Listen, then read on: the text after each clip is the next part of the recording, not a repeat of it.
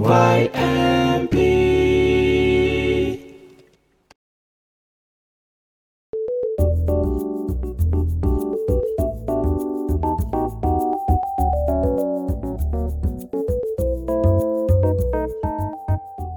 teman-teman, selamat datang di 5 Minutes Mana, podcast renungan singkat yang dipersembahkan oleh Bintaros Youth Media Project.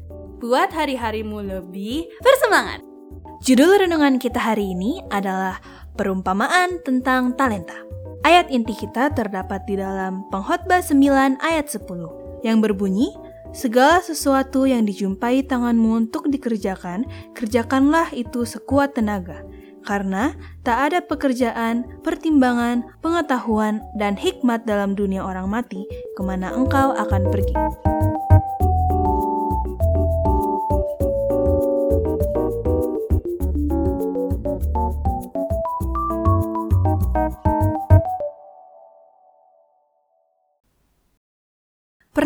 Kita mendapatkan suatu tanggung jawab dari seseorang untuk kita kerjakan?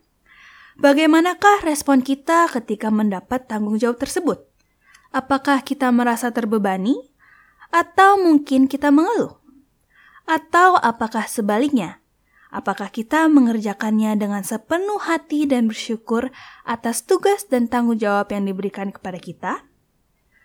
Tuhan memberikan kepada kita semua masing-masing tanggung jawab yang harus kita kerjakan dan selesaikan sesuai dengan rencana indahnya.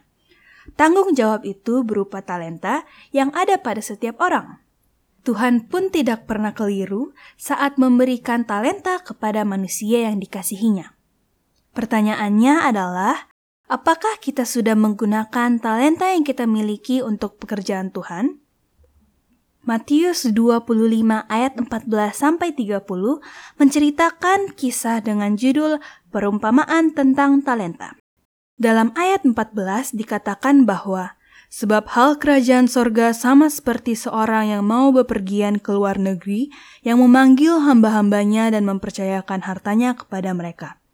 Ayat 15, yang seorang diberikannya lima talenta, yang seorang lagi dua, dan yang seorang lagi satu masing-masing menurut kesanggupannya. Lalu ia berangkat. Talenta merupakan sebuah harta yang Tuhan titipkan untuk kita kerjakan. Oleh karena itu, talenta harus dikembangkan. Dalam situasi dan kondisi dunia yang terlihat semakin kacau dan sulit ini, justru kita yang sudah diberikan talenta dari Tuhan harus bekerja dengan sepenuh hati agar talenta yang sudah Tuhan berikan kepada kita boleh menghasilkan terang kebenaran bagi orang-orang di sekitar kita. Dalam sebuah buku berjudul Membina Kehidupan Abadi, dikatakan bahwa perkembangan segala kemampuan kita adalah kewajiban yang pertama dan menjadi utang kita kepada Allah dan sesama manusia.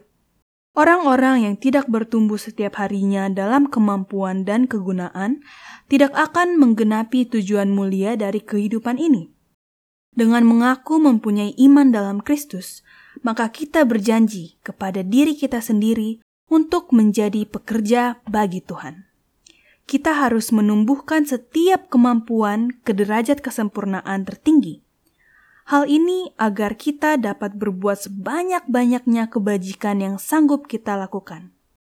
Sembari menunggu kedatangan Tuhan yang kedua kali, kita harus bekerja membagikan terang kebenaran melalui talenta yang sudah Tuhan berikan kepada kita. Pilihan ada di tangan kita. Jika kita benar-benar menyadari bahwa talenta yang kita miliki adalah utang yang harus dipertanggungjawabkan kepada Tuhan, maka kita akan menjadi seperti hamba-hamba yang baik dan setia pada kisah perumpamaan tentang talenta tadi.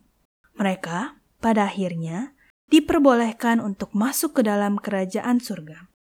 Janganlah kita seperti hamba yang menerima satu talenta, di mana ia justru malas dan mengubur talentanya sehingga tidak bertumbuh dan tentu Tuhan tidak mengizinkannya untuk masuk ke dalam surga.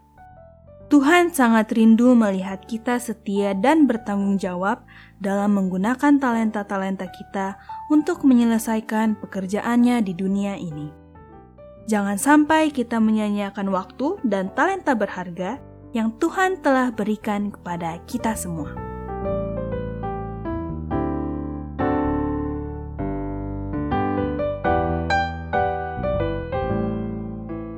Biarlah renungan ini menjadi berkat bagi teman-teman dan menjadi penyemangat hari-harimu. Jangan lupa follow Instagram kami di @bymp.sda. Kutunggu kamu di renungan berikutnya.